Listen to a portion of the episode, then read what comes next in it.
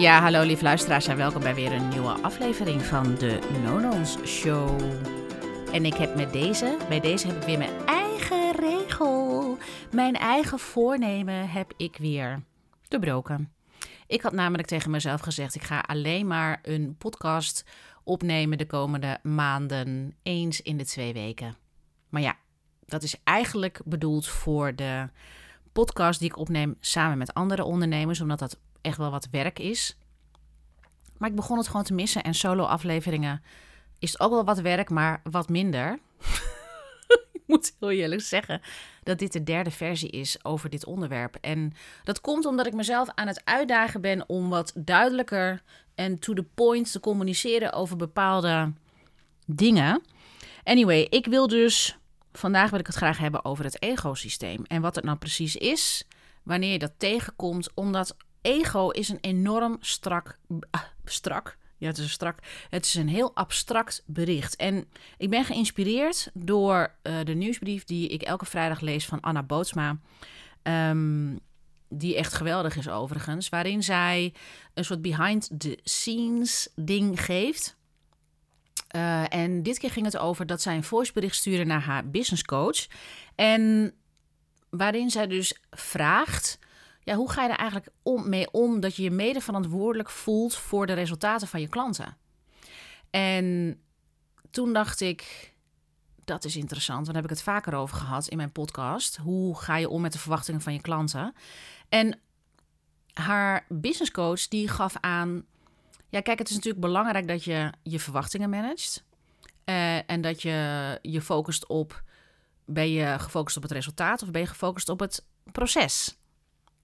En wat vertel je tegen de klant? Want als je in een programma staat bij een coach, dan is het niet meteen dat je resultaten boekt. Er gaat altijd een beetje een proces aan vooraf, ook omdat je verwerkingstijd nodig hebt. Um, maar hoe zit je daarin? Hoe, ja, hoe, hoe frame je dat? Hoe communiceer je dat tegen je klanten? Dat is één ding. Maar het andere is natuurlijk dat we een soort van persoonlijk in ons als ondernemers en coaches of kennisexperts, wij willen natuurlijk graag uh, dat we er goed bij hangen. En dat goed erbij hangen, dat heeft alles te maken met dat ecosysteem. Want als onze klanten resultaten halen, dat wil dat zeggen dat wij ons werk goed doen. Toch? Als we dat zo één op één met elkaar linken, dan lijkt dat zo. Alleen het is veel genuanceerder. Dus het is een beetje een makkelijk en kort door de bocht-achtige gedachte. Die zonder, als we, hè, als we dus niet daar wat dieper naar kijken. En dat we zien, maar wacht eens even, wat is mijn rol? Wat is de rol van mijn klant? Um, wat voor, aan welke voorwaarden of welke criteria moet een klant voldoen, wil die succesvol zijn met mijn programma? Of als ik een programma heb, ja, heb ik dan een dialoog nodig? Heb ik dan afstemming nodig? Moet ik dan vragen stellen? Um, af en toe inchecken met wat heb je nodig, zodat je succesvol wordt? Waar loop je nu tegenaan? Het is namelijk niet één op één zo dat als je een wat voor een coachprogramma dan ook volgt of een dienst afneemt, dat dat dan meteen succesvol is. Dat is gewoon niet zo. maar daar wil ik het niet over hebben. Ik wil het hebben over. Nou ja, ik denk dat we hebben dus een bepaald idee over als we ergens instappen. Uh, zowel de klant als de coach. Um, terwijl het ligt veel genuanceerder um, met dingen waar we rekening mee hebben te houden. En allereerst is dat, dat, dat als je ervaring hebt met je programma, met je manier van coachen, dat je op een gegeven moment ook weet voor wie het wel geschikt is, voor wie het niet geschikt is. En dat je, of dat je kan zeggen, weet je wat, met de kennis die ik heb over wat je me nu in, in jouw situatie deelt, denk ik dat dit en dit en dit en dit kan gebeuren als je dit programma volgt. Omdat je bijna geen kennis hebt over dit onderwerp, kan het snel gaan of niet. Daar kan ik niks over zeggen. Dat is altijd kut om te zeggen, maar is wel heel eerlijk. En je kan natuurlijk altijd zorgen dat je incheckt bij je klanten. Nou, dat is in ieder geval dingen qua verwachtingsmanagement. Daar wil ik het niet over hebben. Waar ik het over wil hebben is dat egosysteem. Want wat er gebeurt als je je mede verantwoordelijk voelt, als je je heel verantwoordelijk voelt voor de resultaten van de klanten, dan, dan ben je eigenlijk in een please-modus. En een please-modus is een vorm van het ecosysteem om je veilig te houden. Daar ga ik wat dieper op in. Het ecosysteem is, en nu ga ik het gewoon van in plaats van. Ego is namelijk een spirituele term. Het is een term uh, die ik hoor. Nou ja, ik heb ook zelf heb ik de, de lichaamswerkopleiding gedaan. 2010 tot 2013 hadden ze het ook altijd over het egosysteem.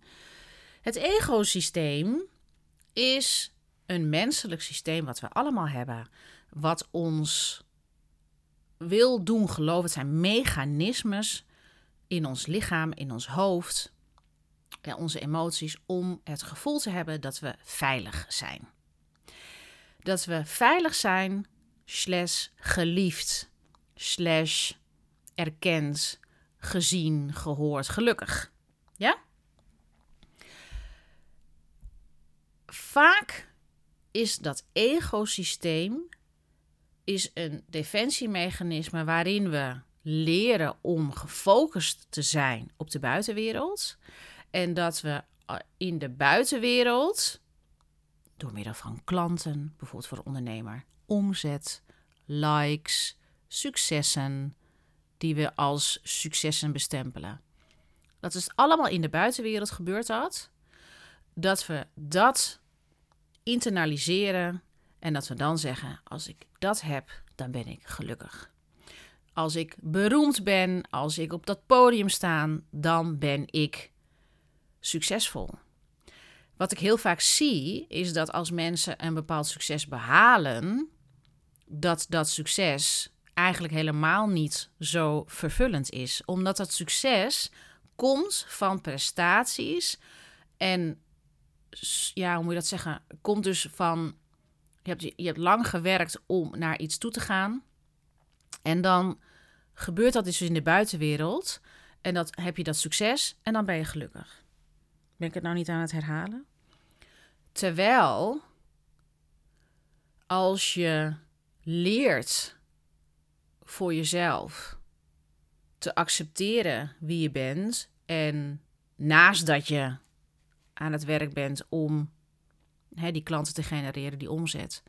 Maar dat dat niet een één op één is van dat je je eigen waarde ophangt aan wie jij bent. Dat dat zegt, ik ben succesvol. Want anders wordt het een lijdensweg. Um, ik heb zelf twee jaar geleden, ik blijf dat verhaal herhalen. Twee jaar geleden, ik ben dus al tien jaar ondernemer hè, en ik heb de eerste jaren, de eerste keer dat ik, dat ik startte, de eerste jaren was ik super ambitieus. Ook al kreeg ik kanker na twee jaar. Ik was ambitieus en ik wilde een bepaald resultaat behalen. Achteraf was dat eigenlijk, ik wil genoeg omzetten, kwam ik toen achter, ik wil genoeg omzetten en genoeg klanten, zodat ik mijn hypotheek kan betalen voor mijn droomhuis. Nou, die hypotheek die kwam er na zeven jaar, want ik heb het heel kalm aangedaan. Ik ben niet in één jaar naar een ton gegaan. Of naar twee ton of naar drie ton. Nee. Ehm, was, is, is mijn ambitie nooit geweest. Ehm, is mijn ambitie eigenlijk gewoon nooit geweest. Maar goed, mijn ambitie was: ik wil genoeg inkomen genereren over bepaalde jaren, zodat ik een hypotheek kan genereren samen met mijn man en dan in een huis kunnen wonen. Nou, dat is gelukt. En het grappige was op dat moment dat het gebeurde, was alle motivatie weg. Dus ik heb eigenlijk, wilde ik al die klanten, wilde ik al die omzet, zodat ik mijn droomhuis kon verwezenlijken. Maar ik had dus niet per se plezier in het genereren van die klanten. Ehm, en ik moet ook zeggen dat ik heel lang me succesvol voelde als ik uh, zoveel sessies per week gaf. Ik heb tijden heb ik negen sessies in de week gegeven. En als het dan vijf was, dan dacht ik, jeetje, dit is ook niet succesvol. Dus ik hing mijn succesvol zijn af aan het aantal klanten, aan het aantal om, aan het omzet, aan een hypotheek. En dat is prima, dat is heel menselijk. Alleen wat er gebeurt is als je dus geen plezier haalt en geen voldoening haalt uit het proces van ondernemerschap, uit het spelende wijs, gewoon maar lekker met je ding bezig zijn. En daar weet ik ook alles van. Want ik heb ook gewoon ups en downs in dat ik merk, oh ja, nou deze week zit ik eigenlijk weer niet echt in mijn plezier en merk dat ik moe ben. Ja, wat, zit het, wat is dat toch telkens dat ik dat doe? Maar dat is een soort ongoing proces, omdat het ook telkens verandert bij mij. Maar het, hè, want ik zie ondernemer zijn niet als ik wil die ton halen en dan die ton blijven halen. Dat is mijn motivatie niet. Mijn motivatie is dat ik middels mijn bedrijf mijn expressie kan geven en een boodschap kan geven uh, aan de buitenwereld. En dan is het mijn leerproces om het daarbij te houden. En als het niet aankomt, dat ik dan ook niet teleurgesteld raak. Want wat er vaak gebeurt, en dan komen we terug op dat egosysteem. Als wij heel graag onze gevoel voor, ja, is dat eigenwaarde? Als we in ieder geval die erkenning willen halen uit de buitenwereld, als we onze behoeftes willen vervullen door die buitenwereld, in plaats van ik ben bezig met een bepaalde vaardigheid en daar wil ik gewoon beter in worden, dan kan ik impact maken. Um, maar dat je dat vooral ook voor jezelf doet. Dat het een behoefte is die je zelf hebt en dat je daar telkens op geënt bent. Of dat je daar telkens eigenlijk bewust van bent. Dan wordt dat lijden ook minder groot. Want als je bezig bent, hè, als je jouw gemoedstoestand heel erg afhangt van wat een ander van jou vindt.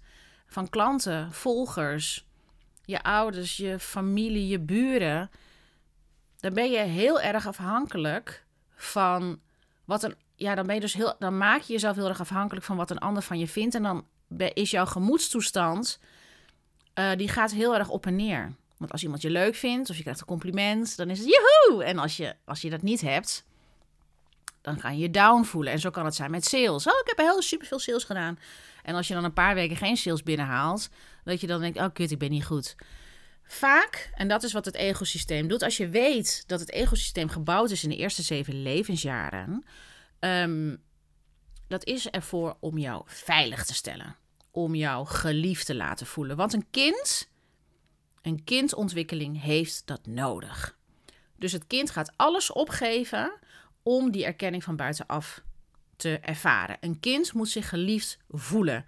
En wat een kind ook bijvoorbeeld doet, is als het zich niet geliefd voelt, dat het zich dus gaat afsluiten voor de buitenwereld en zegt: Ik heb dat niet nodig. Ik heb geen liefde nodig. Ik kan het heel goed alleen en zelf. Daar ben ik er eentje van. Ga je afsluiten. Dan ga je je hart afsluiten. Dan ga je je niet kwetsbaar opstellen. Dat, heeft, hè, dat, dat is een manier om je veilig te voelen. Dan zeg je, ik heb dat niet nodig. En ondertussen heb je dat wel nodig, maar dat stop je diep weg. Want het is te pijnlijk als kind om te ervaren dat je je niet geliefd voelt. Of dat jij interpreteert dat je niet geliefd voelt. Want dat is helemaal niet zo. Ik ben hartstikke geliefd. Alleen ik heb dat heel vaak in mijn kindertijd niet gevoeld. Omdat mijn behoefte weliswaar was dat, dat ik misschien vaker geknuffeld werd. Of dat ik een behoefte had om te horen, een compliment te ontvangen. Ehm, terwijl ik ben op hele andere manieren geliefd. Uh, die ik, wat, en dan hebben we het over de talen van liefde die ik uh, misschien niet heb ontvangen. Maar wat er gebeurt als kind, en dat is niet aan te rekenen aan onze ouders per se, maar dat is wat wij doen. Dat is wat het, een mens doet om zich veilig te stellen. Als je dus bijvoorbeeld gewend bent, als je een systeem hebt van: oké, mijn ego-mechanisme is performance. Dat heb ik, uh, heb ik dat? Maakt eigenlijk niet zo heel erg voor uit of ik dat heb of niet. Maar alleen het is altijd makkelijker om te vertellen vanuit eigen ervaring. Oké, performance. Ik denk dat iedereen dat wel een stukje heeft, zeker in het Westen. Oké, je, je, je bent gewend om liefde, erkenning en, en ja, liefde en erkenning te halen uit ik haal goede cijfers. Ehm, of ik ben of uit zelfstandigheid. Mijn ouders vinden het fijn dat ik zelfstandig ben. hè, dan, dan denken ze, oh top, die is zelfstandig. Daar hoeven we misschien niet zoveel aandacht aan te besteden, omdat wij eigenlijk geen tijd hebben. Of omdat ik dat ook waardeer als ouder. Maar het kind is eigenlijk niet. Het is eigenlijk niet helemaal natuurlijk. Want een kind is natuurlijk helemaal niet zelfstandig. Maar stel je voor dat je dat hebt. Wat je gaat doen, is je gaat heel erg in de prestatiemodus. Je gaat. Of je voelt je niet gezien. Dat kan ook, hè? Je voelt je niet gezien. Je voelt je niet gezien en gehoord. Dus wat ga je doen? Je gaat iets doen om dat gezien en gehoord te voelen, om dat te vervullen. Dus wat we doen is we gaan performen, we gaan hard werken, of we gaan pleasen, we gaan een stukje eigenheid afstaan. En ook omdat je een empathisch vermogen hebt, want je kan namelijk nooit een bepaald defensiemechanisme ontwikkelen die niet gebaseerd is op een natuurlijke kwaliteit van jezelf. Kijk, mensen die bijvoorbeeld pleasen zijn altijd heel empathisch, want die kunnen invoelen die hebben zo'n sterk ontwikkelde empathie. Die kunnen heel goed invoelen wat een ander ervaart en voelt, omdat ze dat heel goed scannen. Hun zenuwstelsel scant de buitenwereld op veiligheid en scannen de non-verbale communicatie van de anders, de, de non-verbale communicatie van hun ouders. En kunnen dan. Een kind gaat helemaal niet zeggen: Mama, heb je misschien dat en dat nodig? Maar die gaat het eigenlijk al doen. Die gaat het al toepassen die gaat al toepassen wat ze denken dat die moeder nodig heeft, zodat ze niet tot last zijn. Ehm, of die vader, of de juf. En daar krijgen ze namelijk goedkeuring op. Pleasen is een ego-mechanisme. Pleasen is een defensiemechanisme. Performance is een defensiemechanisme. Performance is: Hallo, moet je kijken hoe goed en hard ik werk? Ik heb het ook eigenlijk wel, want ik doe dat altijd met schoonmaken. Zeg ik: Kijk, Jim, ik heb het huis helemaal schoongemaakt het is helemaal niet zo dat ik wil laten zien dat ik het huis heb schoongemaakt. Ik wil dat hij mij ziet en hoort en dat hij dat waardeert. Terwijl, ja, dat is, dat is ook, en dat is ook heel fijn, hè? Maar ik moet mijn geluk daar niet van af laten hangen. Je moet zelf gewoon denken: oh, wat heerlijk dat mijn huis schoon is. Maar het is ook heel natuurlijk om die waardering te ontvangen. Ik ben daar trouwens nog een beetje over in dubio. Maar goed, over hoe dat nou precies werkt, maar daar ga ik nu niet verder op in. Wat er gebeurt als je aan het pleasen bent, aan het performen bent. En we hebben ook nog een derde, perfectioneren. Hoehoe, die zie ik ook heel vaak voorbij komen. Kijk maar op een willekeurige Instagram. Je kan het nu, omdat ik zo bezig ben met Instagram online marketing, online marketing op Instagram, ehm, kan ik zien wat voor defensiemechanismes mensen hebben in hun content. Je kan gewoon zien, als je bijvoorbeeld zo'n, ehm, je ziet een, uh, een, uh, een, op de feed, zie je bijvoorbeeld om en om. De, de ene keer zie je een, uh, een quote of een tekst. En dan zie je de andere keer weer een foto. En dat wordt dan afgewisseld. En alles is heel netjes en keurig. Dan zie ik. Iemand is hier zo aan het polijsten geweest. Zo aan het perfectioneren geweest. Omdat ze overtuigd zijn dat als je dat doet. Dan ontvang ik die erkenning. Dan ontvang ik succes. Want dat heeft heel lang voor hun gewerkt.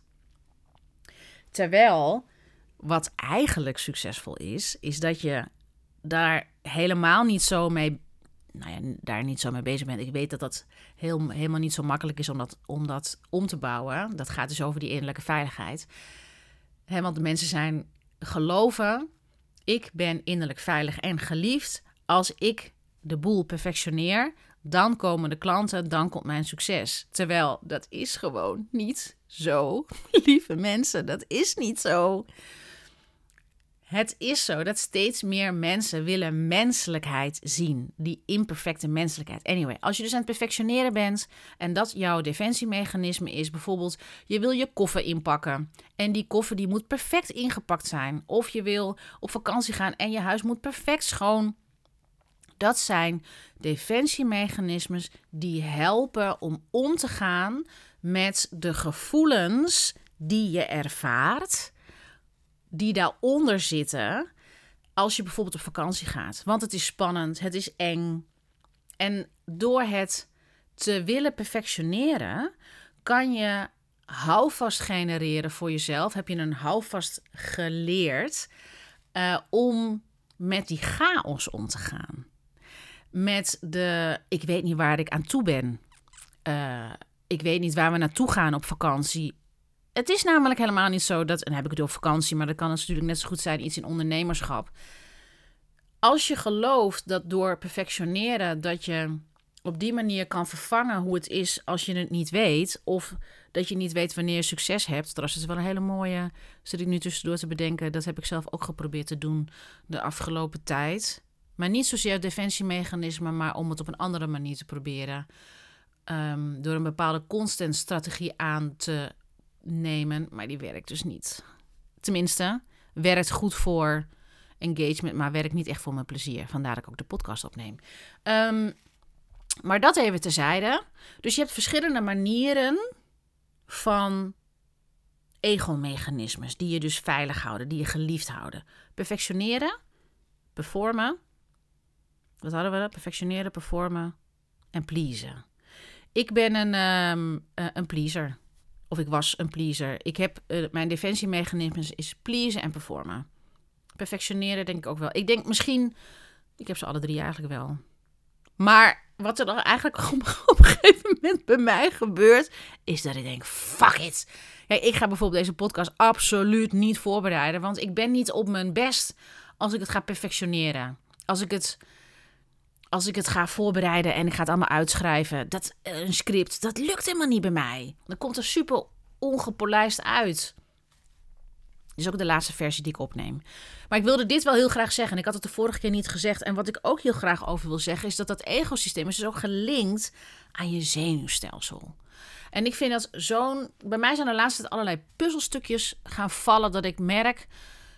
En ik wist dat wel, ik zag het alleen niet op die manier. Dat je lichaam, je hoofd, je lichaam, dus je gedachten, je gevoelens en je ziel. Dat heeft dus allemaal met elkaar te maken. Als in als je heel erg in defensiemechanisme leeft, dan is het in ondernemerschap helemaal niet zo prettig. Want je bent heel erg vanuit een soort van uh, verkramping ben je aan het acteren. Um, vanuit ik hoor het zo te doen, of als ik het perfect doe, dan krijg ik klanten. Of als ik die klant aan het pleasen ben, dan blijven ze wel bij me. Of um, als ik nou maar gewoon hard werk en ik maak allemaal posts en ik doe dat gewoon drie per dag, dan komen die klanten.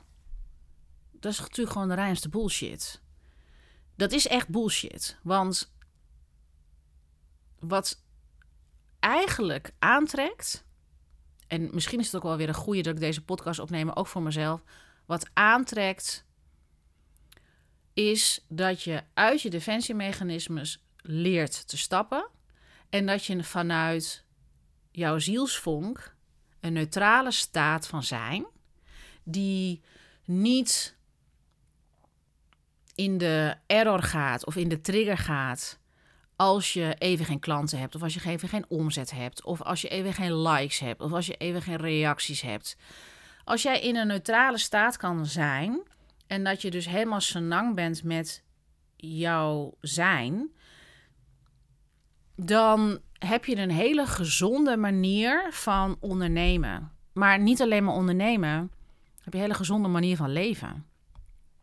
Ik raak altijd. Ik raak eigenlijk nu niet eens meer in het ondernemen in de trigger, maar ik raak in de trigger als mensen die, waar ik van hou niet uh, aan mijn verwachtingen voldoen. Um, of dingen zeggen waar ik beledigd door raak.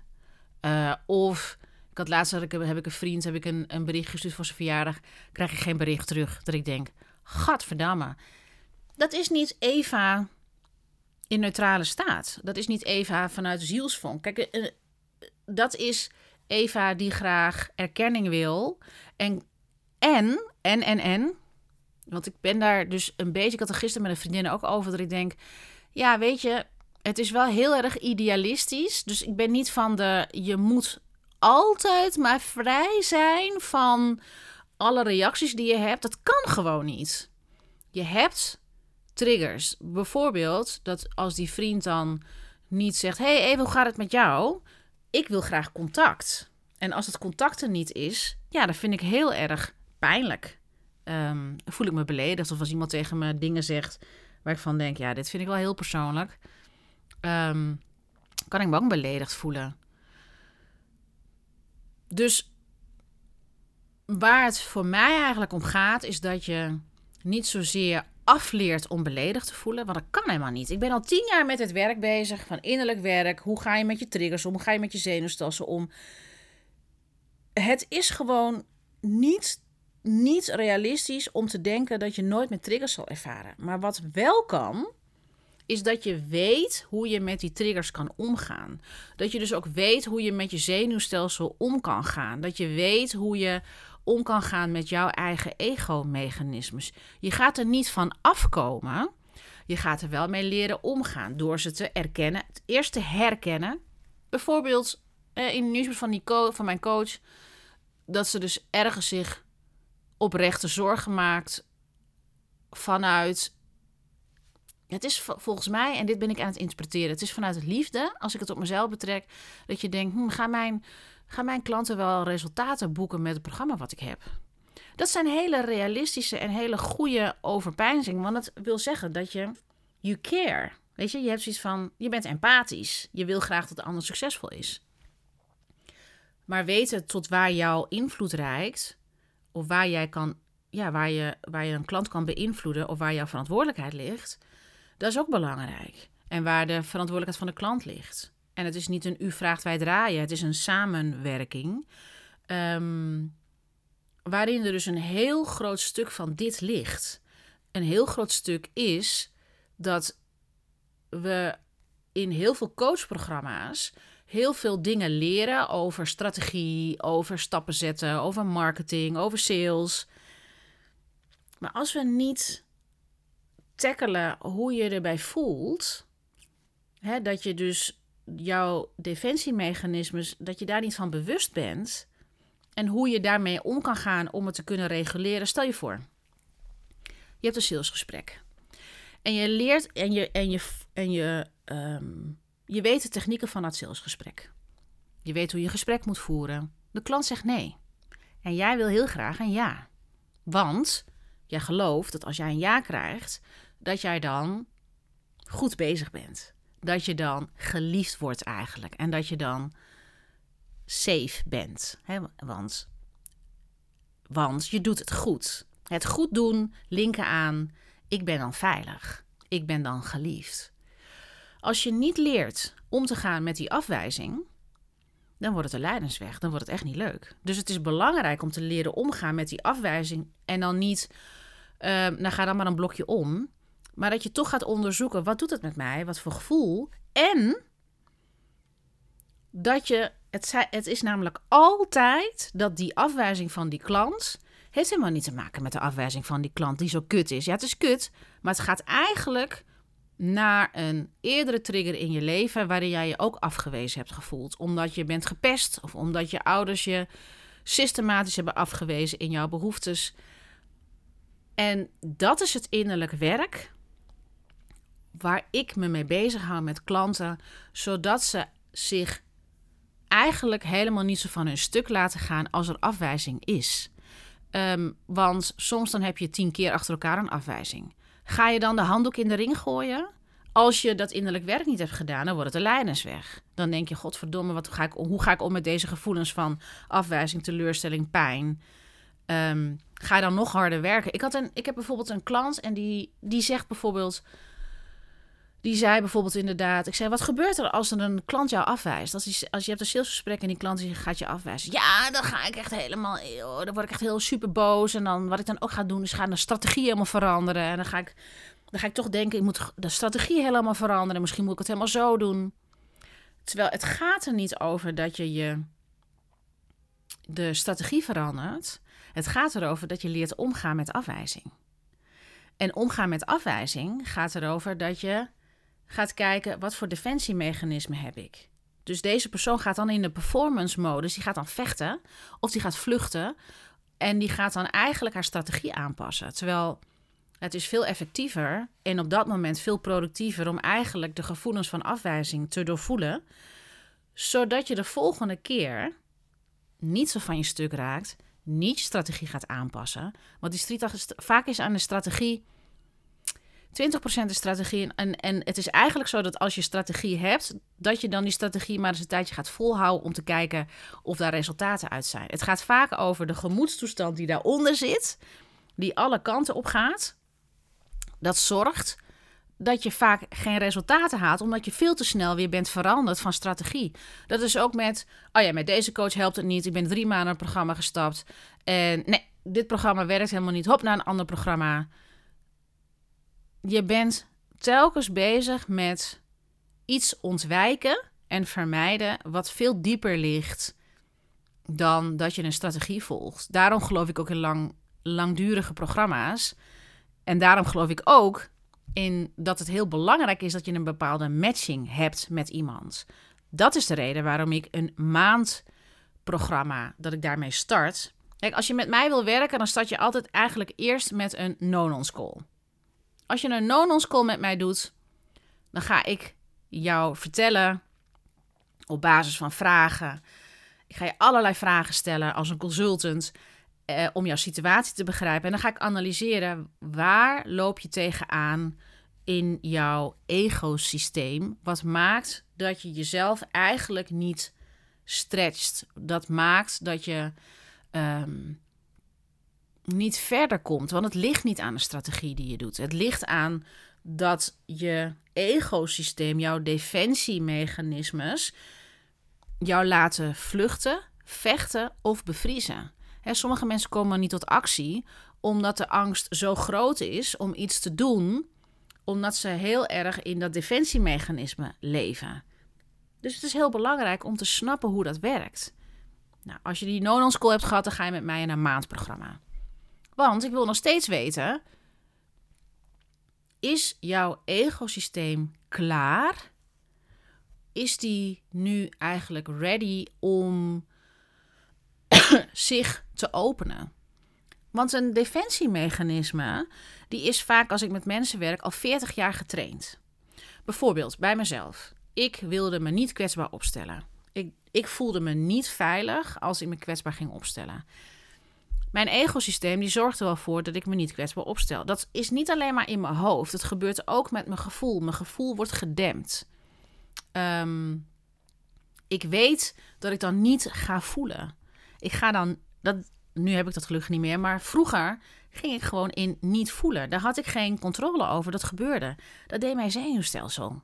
Dat is eigenlijk geweldig. Maar op een gegeven moment gaat het je in de weg zitten. Omdat je niet raakbaar wordt.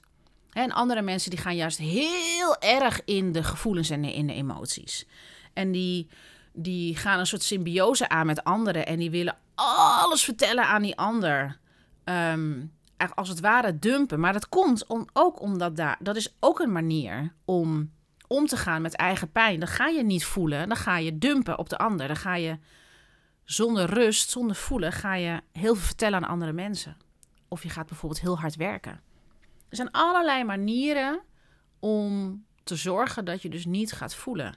En om terug te komen, wat is dat egosysteem eigenlijk? Dat is een hele simpele manier om niet te voelen. En vooral de onverwerkte gevoelens.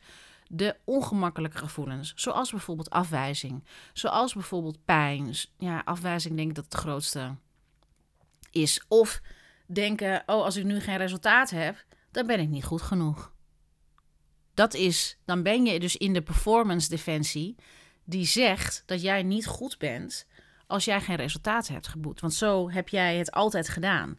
En kom je jezelf gigantisch tegen. Want in ondernemerschap kan je soms heel veel successen boeken een tijdje. En het kan zelfs zijn dat je dus een tijdje, hè, een tijd lang gewoon echt denkt: hé, hey, mijn bedrijf gaat echt helemaal top. En dat je soms, en dat er dan een periode is dat het even helemaal niet werkt. En dat je denkt: huh, hoe kan dit nou weer?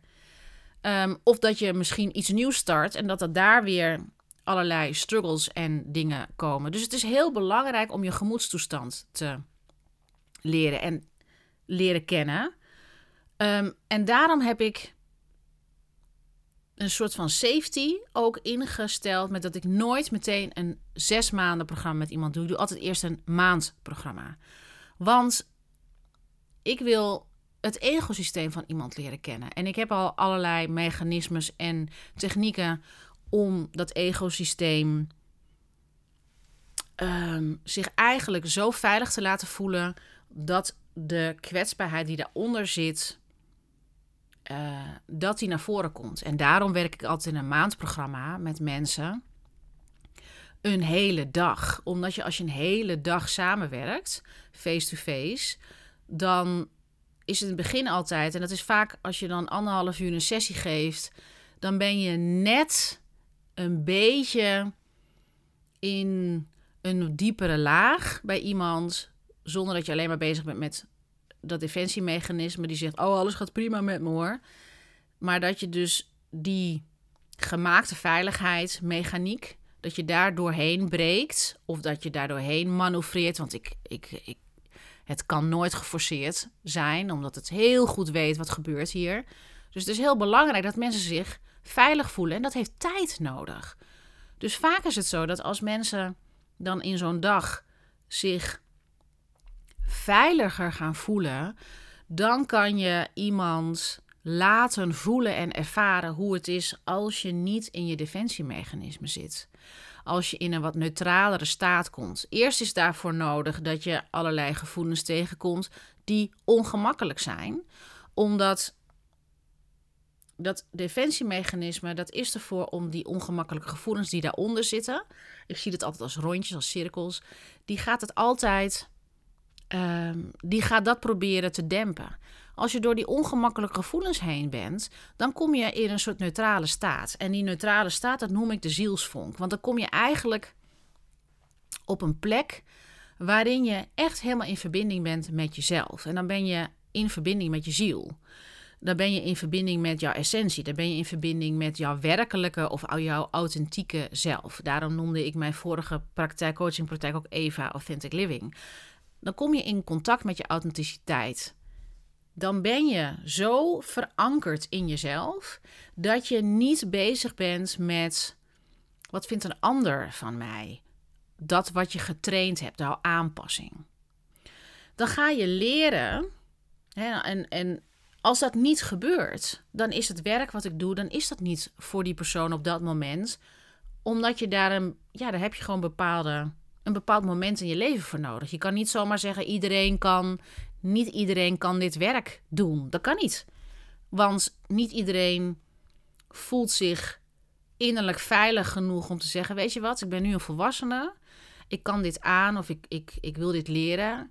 Als je zo hebt afgeleerd om eigenlijk te gaan voelen wat er in jou voelt. Het kan voor heel veel mensen heel onveilig voelen. En te, uh, ja, te eng. Ik heb het eigenlijk. Heb ik het meegemaakt? Ja, ik heb het wel eens meegemaakt dat mensen inderdaad dat niet wilden. Ze wilden het gewoon niet.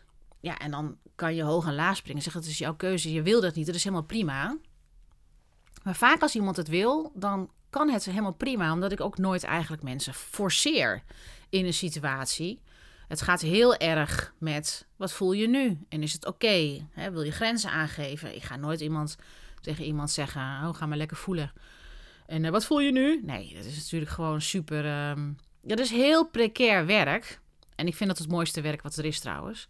Zo stroom je door naar zes maanden om te leren als ondernemer om te gaan met alle gevoelens, alle ongemakkelijke gevoelens die erbij komen kijken als jij een onderneming aan het runnen bent. En dat is echt niet alleen maar voor starters, dat is ook zeker voor gevestigde ondernemers die merken ik merk dat ik geen plezier ervaar. Ik merk dat ik weinig ontspanning ervaar. Dan ben je dus heel erg in die performance. En ik kan nog steeds zeggen dat ik daar. Ehm, ik zit daar ook middenin. Of ik zit daar ook.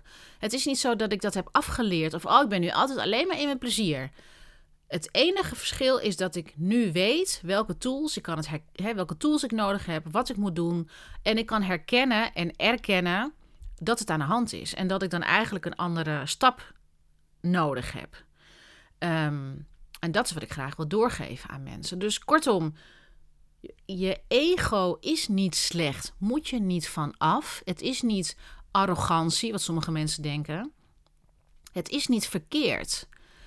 En ik hoop eigenlijk dat we met z'n allen eens leren om compassie te hebben voor dat ego-mechanisme wat we hebben. Want het is zo gelinkt ook aan ons zenuwstelsel. je, je, je, je gaat je, je gaat je ego-mechanisme herkennen als je gaat leren voelen. En dat is dat je vaak niet voelt Of dat je bijvoorbeeld voor een masterclass zit en je voelt hartkloppingen. Je voelt dat je adem wat uh, sneller gaat. Uh, je voelt dat je gaat zweten. Dat zijn allemaal symptomen van een zenuwstelsel dat geactiveerd is en dat zich niet veilig voelt en zich klaarmaakt om te vluchten of te vechten of te bevriezen. Dus ook mensen die bijvoorbeeld zeggen: Ja, weet je, ik kom nergens aan toe, ik, ik ben alleen maar aan het uitstellen, dan ben je in de bevriesstand. Dat is niet dat je lui bent. Dat is niet dat het slecht is. Dat is, dan ben je in bevriesstand. Ik heb dat. Ik kom in bevriesstand. En ik was het de afgelopen dagen. Uh, omdat we nu eenmaal mens zijn. En ik kan het nu erkennen. Ik was naar Oostenrijk op vakantie vorige week. Ik heb het super toffe tijd gehad. En dan kom ik weer terug in mijn dagelijkse routine. Ik ben niet in de natuur. Ik ben niet omringd door bergen. Ik ben niet omringd door stilte. We zaten echt in een mini-mini dorpje. En ik kom in Aalsmeer, wat ook eigenlijk gewoon een dorp is. Maar ik kom wel weer in een super verstedelijk gebied. En mijn zenuwstelsel, die gaat erop aan. Um, en ik zat ook te denken, oh, dan heb ik al die verplichtingen van... dan moet ik dit doen, moet die kinderen naar school brengen... dan moet ik weer elke dag een post gaan, moet ik weer dit doen. En dat werd me te veel. Mijn zenuwstelsel zei, het is even klaar, het is even te veel. Even, doe even kalm aan. Dus dat heb ik gedaan. Ik weet inmiddels dat als ik zeg ik heb geen zin, dan is het niet dat ik geen zin heb. Het is ik voel me overweldigd. En wat kan ik doen om mijn zenuwstelsel dan te reguleren? Mijn, mijn egosysteem zou dan zeggen: Nou, gewoon kom op, carry on en let's go. Um, we gaan niet daar naar luisteren. Nu zeg ik: Lief egosysteem, dank je wel dat je me wil helpen. Want jij gelooft dat als ik in performance modus ga en gewoon doe wat ik heb te doen, dat ik dan veilig ben. Want wat er eigenlijk nodig is, is dat ik rust neem, dat ik afrem, dat ik ga doseren.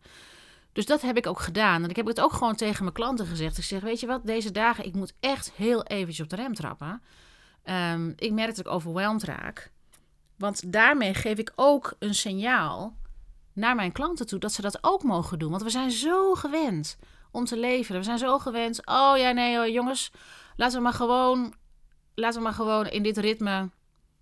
Het, ritme was gewoon opeens veel, nou ja, tien keer sneller. Met een hele volle agenda. Ja, en daar is een soort van overgang voor nodig om daar weer aan aan te passen. Um, want het vakantieritme is natuurlijk gewoon heel anders met ook hele andere verwachtingen, een heel andere dagplanning. Tenminste bij mij. Ik weet niet hoeveel andere mensen dat doen. En dat is ook het gegeven dat we altijd maar denken dat we altijd alles maar heel snel en heel veel moeten doen. En dat is ook een ding wat ik in mijn manier van ondernemen doe. Dat ik niet altijd maar uh, in dat hoge ritme hoef te zitten. Het is heel belangrijk om af en toe te gaan vertragen, te rust te nemen. Ik vertragen, dat klinkt allemaal weer zo, maar dat is wel een lager tempo. En dat je zegt, ik ga gaan twee dingen doen vandaag, in plaats van dat ik vier dingen ga doen. Um, en ik ga, wat zijn echte prioriteiten? Maar ja, als ik bijvoorbeeld op uh, woensdag om 12 uur een rekensommetje wil maken van iets. En dat ik denk, ik weet maar god niet wat ik zit te bedenken. Dan denk ik, oké, een stap terug. Even alles uit je handen laten vallen. En even rustig aan. En dat geldt, dat is voor iedereen anders. De ene heeft het misschien helemaal niet. Maar als je dit wel hebt, wil ik alleen maar zeggen: je zenuwstelsel die geeft jou genoeg, je lichaam geeft jou genoeg signalen om aan te geven of wat je moet doen op een dag. En dat kan je ook lezen aan hoeveel energie je hebt. als je ochtends wakker wordt, dan kan je je laten bepalen door wat je allemaal moet doen en wat je hoofd zegt. Of wat je denkt dat je van je verwacht wordt. Of je kan zeggen: Weet je wat? Ik merk dat ik moe ben. Ik neem even een stapje terug. Vandaag doe ik dit en dit. En de rest van de dag ga ik gewoon even een beetje uitrusten. Of dingen doen die me niet zoveel energie geven. Dat is een manier om anders om te gaan met je ego-mechanismes. Dan hoef je niet in de performance. Dan hoef je niet in de please-stand te gaan staan. Dat vinden me heel veel mensen vinden dat heel lastig. Maar dat is wel de uitdaging om soms. Want het is om soms een stapje terug te doen. Want het is niet zo dat in ondernemerschap je keihard moet gaan zitten werken. Dat is gewoon helemaal niet wat kan.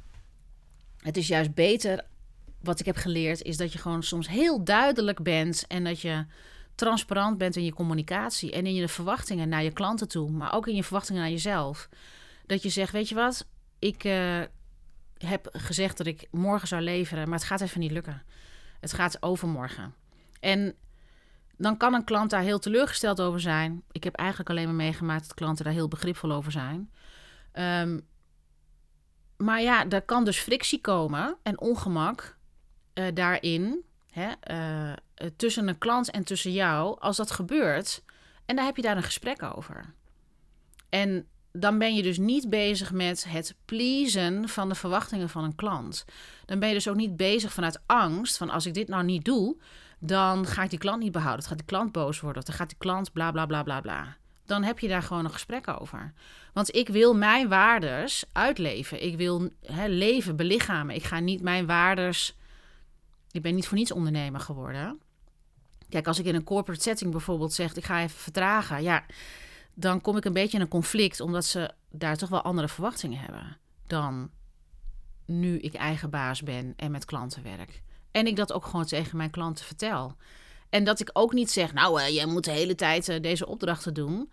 Uh, want anders dan ben je niet oké. Maar daar hebben we een gesprek over. Wat gebeurt er nou? En dat op die manier dat je elkaar leert kennen. Maar, en dat je dus die informatie kan gebruiken om te kijken van hoe onderneem ik. Nou, ik hoop dat met deze aflevering dat er wat meer duidelijkheid is gekomen over wat dat ego-mechanisme is.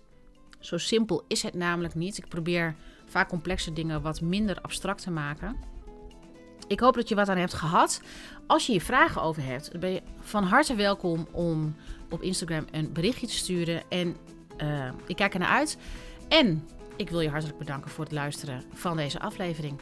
En ik spreek je graag de volgende keer. Doei doei!